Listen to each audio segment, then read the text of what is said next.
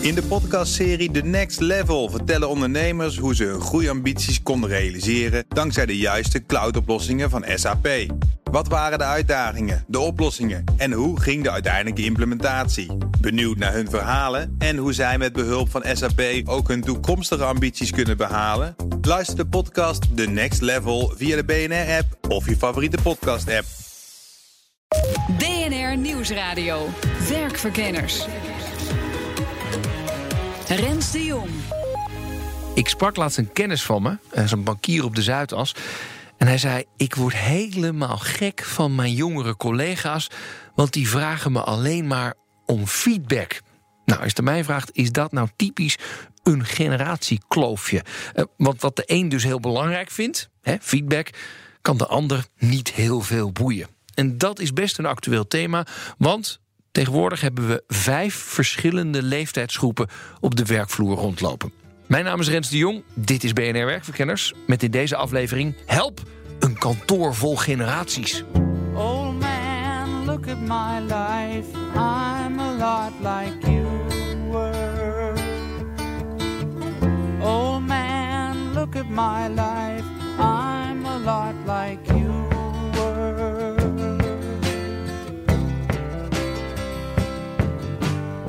dit moment zijn er precies vijf generaties actief op de werkvloer. Risico- en verzekeringsadviseur E.ON heeft er onderzoek naar gedaan. Dan is de vraag natuurlijk, welke generaties zijn er precies? En hebben ze allemaal een andere handleiding? Ik praat erover met Guillermo van der Lans van E.ON. Hij weet veel van health en human capital... en komt veel bij bedrijven langs. En we nemen de vijf generaties even door. De late babyboomers, eh, geboren tussen 1940 en 1955... Ja, die zitten echt nog wel in de laatste fase van hun carrière. Die zitten eigenlijk nog wel voor het eh, moment... ik heb nog een paar jaar te gaan, wat ga ik doen? Ga ik nog één keer accelereren of ga ik rustig afbouwen? En die vinden het ongelooflijk waardevol als ze financiële zekerheid hebben. Oh ja. Eh, hoe zit het met mijn inkomen als ik zo meteen ga stoppen met werken? Wat gebeurt er bij ziek worden, arbeidsongeschikt raken? Ja, en die zijn toch wel ge- eh, gewend aan traditionele beloning. Hè. Die zijn ook gestuurd op aanwezigheid. Hè. Oh ja. Als je er bent, krijg je daar een beloning voor.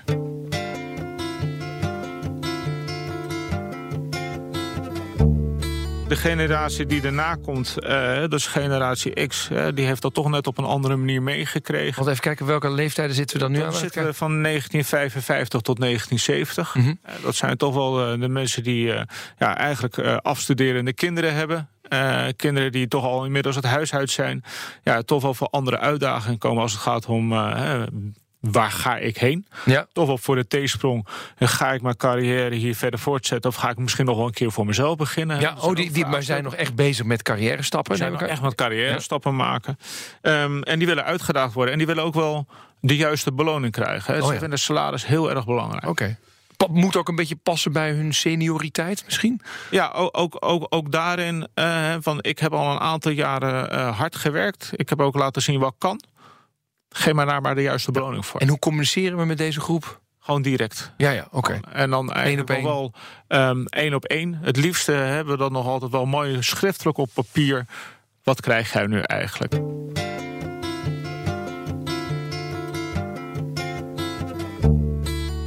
Generatie die daarna komt, dat is de pragmatische generatie. Hè, geboren tussen 1970 en 1985.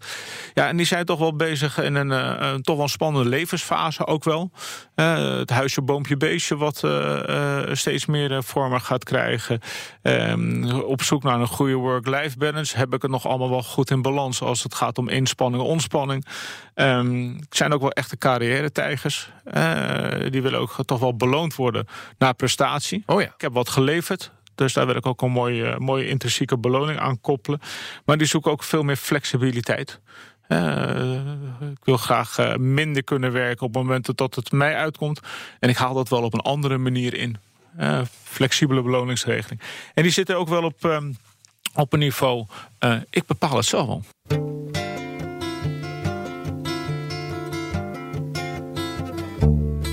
Generatie die daarna komt is 1985 tot 2000. Eh, Dat zijn toch wel een beetje de screen ages en de millennials. Eh, De, de generatie I, is dat de dan? generatie I. Ja. En die zijn ook wel eh, geboren met de tablet in de hand, Mhm. noem ik het altijd nog maar.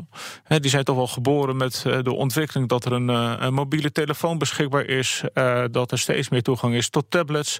En dat laten ze ook zeker zien hè, als ze als, wat ouder zijn, dat ze dat goed kunnen toepassen. Mhm. Ehm, ja, opleidings- en ontwikkelingsmogelijkheden vinden zij belangrijker. Nog belangrijker dan een hoog salaris. Oké. Zij vinden het nogal belangrijk om zichzelf te kunnen blijven ontwikkelen. Willen ook het gevoel hebben dat ze van toegevoegde waarde zijn. Mhm. En dit is ook wel de generatie die misschien ook wel denkt aan stapelbanen. Hè? Meerdere banen tegelijkertijd. Oh ja. Eh, en misschien ook wel meerdere plekken. En ik zag ergens in jullie rapport staan... eh, deze mensen denken meer... ik werk met een organisatie dan voor een organisatie. Eh, Wat is dat dan? Ja, dit is een, eh, een, een, een, een generatie die ook niet meer gelooft in eh, evaluatiemomenten of eh, eindejaarsbeoordelingen. Maar die zoeken veel meer de dialoog op met hun leidinggevende. En die hebben ook eigenlijk veel meer behoefte van joh, waar gaan we heen met elkaar? Ja, ja. En hoe gaan we daar invulling aan geven?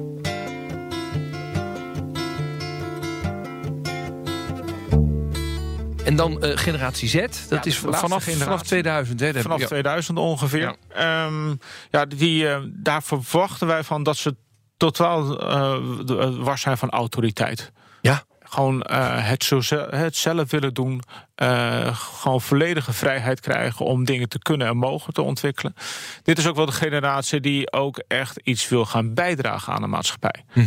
Eh, eh, ze vinden waarschijnlijk salaris niet zo belangrijk, maar kijken veel meer van, joh, wat kan ik toevoegen? Wat kan ik toevoegen aan een betere wereld, toevoegen aan een betere maatschappij? En ik wil heel graag werken bij werkgevers die daar ook een bepaalde visie op hebben. Ja. En op het moment dat ze dat dus niet hebben, ja, dan ben je toch wel, eh, eh, en loop je wel het risico om deze generatie kwijt te raken. Goed, helder. Vijf generaties dus, die allemaal hun eigen eigenschappen en kijk op de wereld hebben. Maar ja, dat is de theorie. Klopt dat ook in de praktijk? Daarom praat ik met Maurice van Rooyen en Carlijn Tempelaars van het bedrijf Jonge Geesten. Zij zijn gespecialiseerd in generatiemanagement. Nu mag ik eh, onbeschaamd eh, naar eh, eh, geboortejaren vragen. Carlijn, eh, uit welk geboortejaar kom jij? 1990. 1990 en Ja. jij? Maurice? 1969. Oké, oh, dat is inderdaad. Dus dan ben jij een generatie X, X. en jij bent een generatie. Ei, millennial. Carlijn, waarin verschilt Maurice van jou als je kijkt naar generatie? Wat, wat is het dat jij in hem ziet? Nou, ik denk dat, eh, dat Maurice, en dat is, dat is deels generatie en ook deels persoonlijkheid Hm. natuurlijk, altijd op zoek is naar verbindingen. En ehm, eh, Maurice kijkt eh, veel meer naar het geheel. eh, waar ik, en dat, dat is, is ook, eh, dat durf ik wel te zeggen, ik met mijn generatie eh, ook best wel op mezelf ben gericht. Eh, dus ik, wil, ik ben heel erg bezig om mezelf te ontwikkelen, zelf te leren. kijken waar ik baat bij heb. Ehm, en eh, Maurice is eigenlijk eh, veel meer bezig om die verbindingen te leggen. En eh, prima als die daar zelf. nou, hij moet, er moet wel iets opleveren in de zin van inspiratie of wat dan ook. Ehm, maar daar zit, wel een, daar zit wel een verschil in. Ja. En Maurice, waarin verschil jij van Carlijn? Eh, nou, het, eh, het heeft zelf wel genoemd. Ik zou het ook genoemd hebben als je me gevraagd had. Eh, ze kenmerkt ze wel dat ze wat egoïstischer is. En dat brengt de kwaliteit eigenlijk. Omdat als we samenwerken, ze dan ook kijkt van wat betekent dat nou voor ons. Waar ik dan veel minder mee bezig ben. Ja, dat is toch grappig, hè? Dat die generaties zo van elkaar kunnen verschillen. De een verbindt en de ander kijkt bijvoorbeeld veel meer naar zichzelf. Nou, laten we even een ander perspectief nemen. Aart Bontekoning. Hij is een beetje de generatiegoeroe van Nederland. Promoveerde in 2007 op het onderwerp... en al jaren adviseert hij bedrijven over generatievraagstukken. En hij zegt, die generaties verschillen eigenlijk maar in één ding. Dat is namelijk waar ze energie van krijgen. Wat ik doe in een organisatie, ik zet mensen uit de generatie bij elkaar. En die laat ik een top 5 maken waar zij de meeste energie van krijgen. En dat doe ik met iedere generatie. En dan ontdekken ze twee dingen. Als ze die top 5 vergelijken waar ze energie verliezen, dat dat gelijk is. En als ze de top, top 5 vergelijken waar ze de meeste energie van krijgen, dat daar de verschillen zitten. Ah, En als je elkaar daar maar onder, in ondersteunt om dat uit te leven in die organisatie, dan breng je je organisatie bij de tijd. wauw. Waaraan zou je kunnen zien dat je een generatieprobleem hebt in je bedrijf? Als de energie zakt. Eh, dus als, eh, en vaak zien eh, senioren dat. Dus als jongeren binnenkomen en na een week of twee weken of drie weken zie je de energie zakken bij jongeren, dan passen ze zich te veel aan, gedat- aan gedateerde processen. En dat is sluipt erin hoor. Dan denken ze, oh, oh, oh, gaat dat zo? Nou, en dan zitten ze er al in vast. Ja. Eh, dus dan gaat het mis. En je kunt het ook zien, er zijn steeds meer 50-plussers die zich afvragen of ze het nog wel volhouden. Maar dat, dat komt omdat ze gedateerde processen herhalen. Ja, zeggen ze, ja, ja. Ik zeg, hoe krijg je energie van die we gaan? Ja, ja, we hebben, helemaal, we hebben het helemaal afgesproken dat we het doen. Ik zeg, maar krijg je er energie van? Nee, nee, eigenlijk niet. Zeg, waarom pak je dan niet aan de manier waar je energie van krijgt? Ja, hoe moet dat dan? En uit hoe moet dat dan? Wat, adviseer je die, die Nou, mensen dan? A, er moet niks. Als er één woord energie wegneemt, in Nederland is het woord moeten. Godzijdank. Dat vind ik wel heel tof. Nee, op het moment dat je ontdekt waar je energie van krijgt, of je draait het om, je, je, je neemt je eigen energie als oriëntatie in wat je doet, vind je sneller je eigen ontwikkeling en je eigen energie. En als je, als je dat aldoende opwekt, ja, dan gaat je batterij ook langer mee. Je wordt er vrolijker van, je wordt er optimistischer van. En ik wil niet zeggen dat het altijd even makkelijk is. Want je kunt ook worstelen, vast komen te zitten. Maar als je maar blijft zoeken en blijft kijken, vind je het wel weer. En dat heet ontwikkeling. Evolutie is een stap voor stap proces. Ja. Maar is het niet. eh, stel je voor, jij en ik werken eh, in hetzelfde bedrijf. Ja. En jij bent eh, ietsje ouder dan ik. Ja, Eh, welke generatie kom jij? Wat ben je? protestgeneratie. Protestgeneratie. En ik ben dus de generatie pragmatici, Ja. ben ik. En wij hebben een andere manier, neem ik aan, van waar we energie van krijgen, een manier Ja. van werken. Maar wij moeten wel samen in één team werken. Ja. Wordt dat niet een soort lost in translation? Nee? Want? Nou ja, nee, dat hoeft helemaal niet. Nee. Ja, want jij, ik weet niet, eh, ik hou heel veel van vrijheid. En ik hou heel erg van eh, dat ik het allemaal een beetje gebalanceerd overal kan doen waar ik wil. Want dan kan ik nog wat dingen bij elkaar doen en et cetera. Ik, ben- ik ben er niet altijd, maar ik werk wel hard. En jij kijkt er misschien op een hele andere manier naar. snelheid maken. Ja. Dus ik vind het doen. Ja. Ik steun je erbij. Oké. Alleen, ik ben van die oudere generatie, ik ben senior. Dus ik zeg van, joh, maar ik eh, neem wel mijn rust. Want eh, ik moet het hebben van mijn ervaring en van mijn intuïtie. En die gedijt het beste bij rust. Dus ik ga niet zitten stressen. Als jij gestrest wil raken, moet je het zelf weten. En als je gestrest raakt, zal ik je waarschuwen. Maar dan moet je zelf uitzoeken. En wat, hoe, moet ik, hoe moet ik dan weer reageren naar jou toe? Dat je dat respecteert. Maar krijgen we dan niet, ja, misschien zit ik spijkers op laag water te Nee, zoeken hoor. Maar dat je dan, dat ik me toch een beetje ga ergeren. Die aard, die gast, ja, die neemt de hele dag zijn rust. Maar wanneer gaan Nee, we dit nou afmaken? Oh, nee, nee, nee, nee, nee. Nee, nee. Oh, nee, ja. Als ik. eh, nee, maar dat is toch zo? optrek- Maar daar gaat het Ja, toch om? Dit nee, gaat- maar als jij ontdekt van verdomd, die aard heeft ervaring en kennis die jij kunt gebruiken om in je project verder te komen, en dat gebeurt ook in de praktijk, ja, dan heb je er baat bij. Ja. En als jij dat project versnelt op een manier waar ik ook energie van krijg, maar zo gebeurt het namelijk. Ja. Als jij dat sneller doet, krijg ik er ook energie van. Ja. Ja, dan eh, volg ik jou daarin. BNR Nieuwsradio. BNR Werkverkenners. Anno 2019 hebben we maar liefst vijf generaties actief op de werkvloer. Babyboomers, X'ers, pragmatici, Y en Z. Het is een dolle boel. En allemaal hebben ze hun eigen wensen en hun eigen grillen. Zie daar maar eens mee om te gaan zonder dat je een generatieconflict krijgt. Nou, Maries van Rooyen en Carlijn Tempelaars die zijn van het bedrijf Jonge Geesten. En zij helpen bedrijven met, ja, zoals het zo mooi heet, generatiemanagement. Laatst werden ze ingeschakeld door een grote financiële instelling... die moeite had om millennials binnenboord te houden. Nou, wat doen ze dan? Carlijn en Maurice die laten de mensen van het bedrijf... door een ja, generatiebril kijken. En wat het allerleukste is, wat, op die, eh, wat er op een van die bijeenkomsten gebeurde, was dat ze eigenlijk toen pas tot, eh, tot het inzicht kwamen dat ze van alle generaties mensen in huis hebben. En eh, wij vroegen dat hè, van goh, eh, wie is van die, die en die. Toen keken ze om zich heen en dachten, goh, we zijn eigenlijk best wel eh, goed verdeeld. Sterker nog, we hebben ook nog eh, drie zetters al in, ons, eh, in onze organisatie. Dat is ook vaak de boodschap die we overbrengen naar organisaties die heel erg zoeken naar de expertise van de oudere generatie, kenniservaring van de midden X-generatie, eh, dan de, de energie van, van die millennials en dan de payscale van een tra- trainee. Eh, maar dat heb je eigenlijk normaal gesproken al in je organisatie lopen. Dus we geven dan naar HR-afdelingen, als je dat verbindend vermogen daarvoor gebruikt, dan heb je eigenlijk wat je zoekt. Ja, en, maar, en, oké, maar dat- oké, dan constateren we dus. Ja. We hebben alle generaties hier op de werkvloer rondlopen. We zitten met issues als het gaat om bijvoorbeeld samenwerken of kennisoverdracht. Jullie geven ze die bril eh, eh, kijk eens wat voor een verschillende generaties er zijn. Ja. En dan? Nou, dan eh, brengen ze weer eerst met elkaar in, eh, in dialoog. En eh, wat ook heel mooi was in dit voorbeeld, was dat er, eh, ehm, volgens mij was het een babyboomer of een X'er, dat weet ik niet meer. Die zat aan tafel met eh, iemand van generatie Z. En dit is een heel makkelijk voorbeeld, hè, Mhm. maar dat, ik denk dat het wel een goede is. Want die, die babyboomer die zei van, eh, van goh, maar hè, wil je dan geen auto? En eh, eh, echt op, meer op dat materialistische stuk. En die zette die zei van een auto, eh, wat moet ik ermee? Ik wil gewoon veel leren en ontwikkelen. En dan zie je zo'n babyboomer die zit dan aan tafel en die, en die gelooft het gewoon bijna niet. Ja? En eh, ik denk dat je. Er wordt heel veel over geschreven. Ik denk ook echt dat er heel veel over wordt gelezen of wordt geluisterd eh, via podcast of wat dan ook. Maar als je dat van je, als je met je eigen collega's daarover in gesprek gaat, eh, dat is eigenlijk Ja, ja. Wat, je, wat, je, wat je wil. En dat gesprek is stap één. Maar ja, het gesprek moet er wel komen. Dus stap 1 om generaties te managen binnen je bedrijf is de dialoog. Laat verschillende generaties met elkaar praten over hoe zij werk ervaren. Nou, dat is leuk, dat is interessant. Maar ja, wat daarna?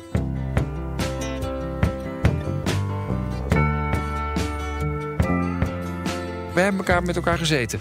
Ik weet hoe jij in elkaar zit. Jij weet hoe ik in elkaar zit. En van al, alle mensen in ons team weten we dat. Nou, kijk, als, er- als het om ons gaat en we hebben samen een project. Dan zou ik tegen jou zeggen van, jij hebt de leiding van het project. Pak, op jouw manier, pak het op jouw manier aan. Ik ondersteun je erbij. En ik probeer wel te bedenken of ik kennis heb op de, op de dingen waar we terechtkomen. Of ik dat in kan, in kan vullen of aan kan vullen. Maar ga jij dat proces maar eh, sturen en ik steun je daarbij. Ja. Dan maak ik gebruik van jouw kracht en je maakt gebruik van mijn ervaring. En als ik dingen niet weet, dan weet ik vaak weer iemand, gelet op het netwerk en zo, denk van ja, die weet er meer van. Laten we die expertise even erbij halen. Dan komen we een stap verder. Ja. Dan bundel je krachten. Eigenlijk is daar niet één formule voor te geven als ik jou zo hoor. Behalve nee hoor, gewoon... er zijn heel veel algemene dingen over te zeggen. Maar als je eh, eh, precies wil worden en van wat moet je nu doen... dan eh, moet je in die organisaties gaan kijken. En soms is het heel praktisch. Dan zeg ik van jongens, ga veel meer die millennials, die twintigers... koppelen of laten samenwerken met die 60-plussers. Dan worden ze allebei energiek van. Dan loopt dan nu een beetje om elkaar heen of zo. Of, eh, en in de muziek zie je ook voorbeelden. Henny Vriend met zijn zoon bijvoorbeeld. Ja. Of hey, hey, met, met een jong bandje. Dus daar bundelen ze die krachten ook op een of andere Ja. manier. Het koppelen van millennials aan oudere generaties, het klinkt heel mooi, maar het is zeker niet makkelijk. En dat heeft ermee te maken hoe bedrijven zijn ingericht. Vaak is dat namelijk gedaan door de oudste generatie. En dat levert dan weer de nodige problemen op, weet Maurice. De babyboom-organisaties hebben de neiging tweejarige trainee-programma's in te richten. Waarin een, eh, een millennial en nu de generatie Z bijna alles mag doen wat hij wil. En dan na twee jaar als trainee-programma voorbij is, krijgt hij een schouderklop te zeggen. En nu gaan we normaal werken. Maar die millennials denken dat ze daar twee jaar mee bezig zijn. En dat is vaak eh, wa- wat je ook ziet, dat is dat dan die groep de organisatie gaat verlaten. En ik denk dat eh, met name de babyboom-organisaties die hier naar luisteren en, en realiseren dat ze zo'n trainee-programma hebben, moeten gaan bedenken hoe ze een opvolging geven om dat trainee-programma echt te laten zijn, om hun organisatie future-proof te maken. Eh, tegelijkertijd, als ze dat niet eh, willen of kunnen, om wat voor reden dan ook, dan moeten ze accepteren dat ze een, eh, een opleidingsbedrijf zijn. Waarin ze de millennials helpen om Nederland als, als land verder te brengen. Laten we het even betrekken te- op Nederland. Want dat is wel wat er aan de hand is. Er zullen een heleboel organisaties die nu dat op deze manier werken en op die manier oplossen. Dat is denk ik ook het probleem met start-ups, maar dat is weer een ander verhaal. Eh, eh, eh, moeten accepteren dat ze dan eigenlijk niet meer kunnen overleven over Ja. tien jaar. Maar dit is dus typisch een probleem als je te veel focust op millennials, maar niet nadenkt over wat wordt het vervolg dan. Ja, nou ja, ja, één. En twee, het doet ook wat met een organisatie. Stel, ik ben een X'er in een organisatie. Ik Oh heb twintig jaar me helemaal, helemaal mijn best gedaan en mijn dingen gedaan en mijn bonussen gekregen. En ik zie me nu, hè, de, in de nieuwe, nou, we gaan een trainee-programma beginnen. En ik zie daar heel veel in geïnvesteerd worden. En zelf moet je het maar zelf thuis doen, terwijl je ook nog kinderen thuis hebt. Dan denk ik, ja, een organisatie moet ook wel nadenken dat juist die 40-jarige werknemer, eh 40-plusser werknemer, ook nog enorm van waarde is. Ik, eh, ik vind, ik weet niet hoe het bij jou is, ik vind dat ik nog steeds hele goede ideeën heb. Dus het is ook fijn als er iemand naar luistert. Ja, ja, ja. En, eh, eh, en dat En, dat, dat is toch een gevaar, nu zeg jij. Ja, ik denk dat het een gevaar is. Want ik denk ook dat je ziet dat er. Ik, maar ik heb geen onderzoek erop nagelezen, Nee. maar het schiet me nu spontaan te binnen. Ik denk dat als je gaat kijken welke groep ZZP'ers zich nu. of welke groep er nu ZZP'er aan het worden is. dat over het algemeen misschien wel eens de X'er zou kunnen zijn. Ja. Want die denkt, ja, ik, mijn kwaliteiten worden hier niet gewaardeerd en ergens anders eh, in één keer dan wel.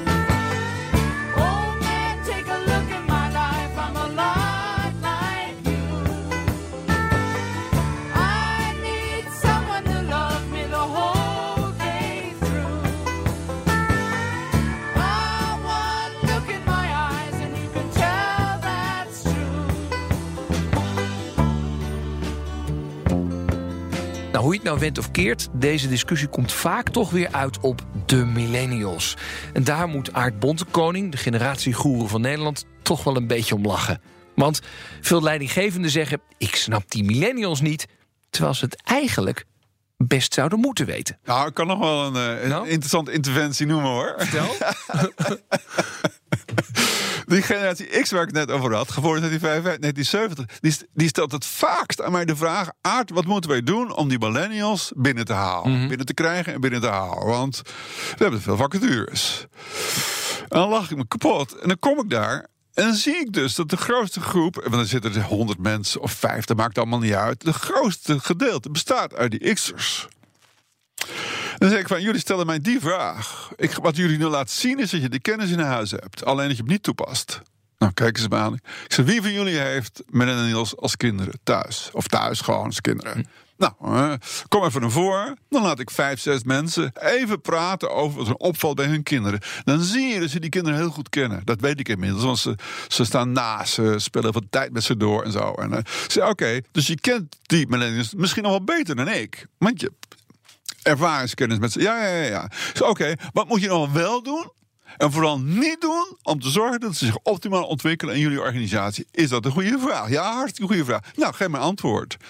In twee minuutjes hebben ze het antwoord klaar. Je moet ze vooral niet zeggen wat ze moeten doen. Je moet ze steunen om een eigen weg te vinden. Je moet beschikbaar blijven. Je moet zorgen dat er mensen met ervaring in de buurt zitten die ze kunnen helpen als ze vastlopen in een project. Ze weten het precies.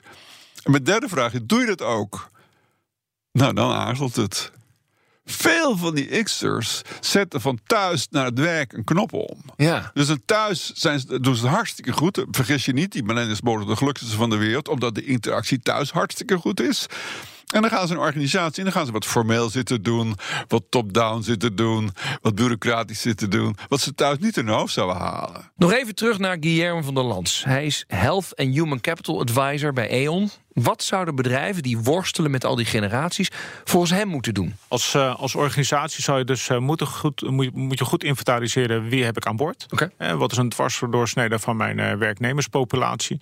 Ehm, eh, als het inderdaad met vijf generaties te maken hebben, zou je dus op vijf verschillende manieren eh, moeten gaan bepalen. Eh, hoe ga ik communiceren? Waarbij het ondoenlijk is om echt vijf verschillende boodschappen te geven. Je zal dus ook aan de mensen moeten vragen: joh, wat heb jij nu eigenlijk nodig als het gaat om communicatie? Heb jij veel liever dat je het op eh hardcopy krijgt? Heb jij veel liever dat het geïndividualiseerd is? En eigenlijk willen mensen maar één ding weten: wat in het voor mij? Wat levert het mij op? Ja. En de wijze waarop het ge- gecommuniceerd kan gaan worden, kan je dan vervolgens ook met elkaar gaan bepalen. Het op een device zien, op je tablet, op je smartphone? Of wil je het inderdaad gewoon eh, eh, in, een, in een boekje uitgereikt krijgen? En uiteindelijk willen mensen maar een aantal dingen weten. Eh, wat gebeurt er nu? Wat gebeurt er bij ziek worden? Wat gebeurt er bij arbeidsgeschikt raken? Maar wat gebeurt er ook bijvoorbeeld als ik eh, mijn vakantiedagen ga opnemen? Of als ik mijn vakantiedagen ga uitruilen? Eh, wat betekent eh, flexibilisering voor mij? Waarbij je het ook gaat afstemmen op het individu. Het enige wat je moet voorkomen is als je met een MKB te maken hebt met 100, eh, met 100 man personeel in dienst, dat je met 100 verschillende communicatiekanalen gaat komen. Ja. Je zal dus een gerichte communicatiekanaal moeten kiezen wat bij iedereen aansluit. Kortom, als bedrijf moet je eerst goed in kaart brengen welke generaties er allemaal actief zijn op jouw werkvloer. Dan ga je de dialoog aan en kijk je waar medewerkers van verschillende generaties elkaar kunnen versterken. En let wel, één ding hebben ze allemaal wel gemeen. En dat is namelijk dat ze energie verliezen aan dezelfde bureaucratische rompslomp. Van de babyboomers tot de zetters, ze hebben er allemaal een hekel aan. Dan weet je dat tenminste. Dit was BNR Werkverkenners. Wil je nou niks missen van deze prachtige uitzending? Abonneer je dan op onze podcast. Dat kan via Spotify, iTunes, bnr.nl. Nou, je vindt het wel. Tot de volgende. Dag.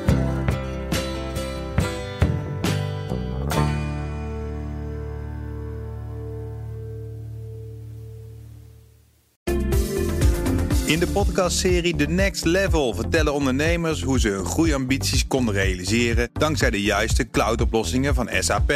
Wat waren de uitdagingen, de oplossingen en hoe ging de uiteindelijke implementatie? Benieuwd naar hun verhalen en hoe zij met behulp van SAP ook hun toekomstige ambities kunnen behalen? Luister de podcast The Next Level via de BNR-app of je favoriete podcast-app.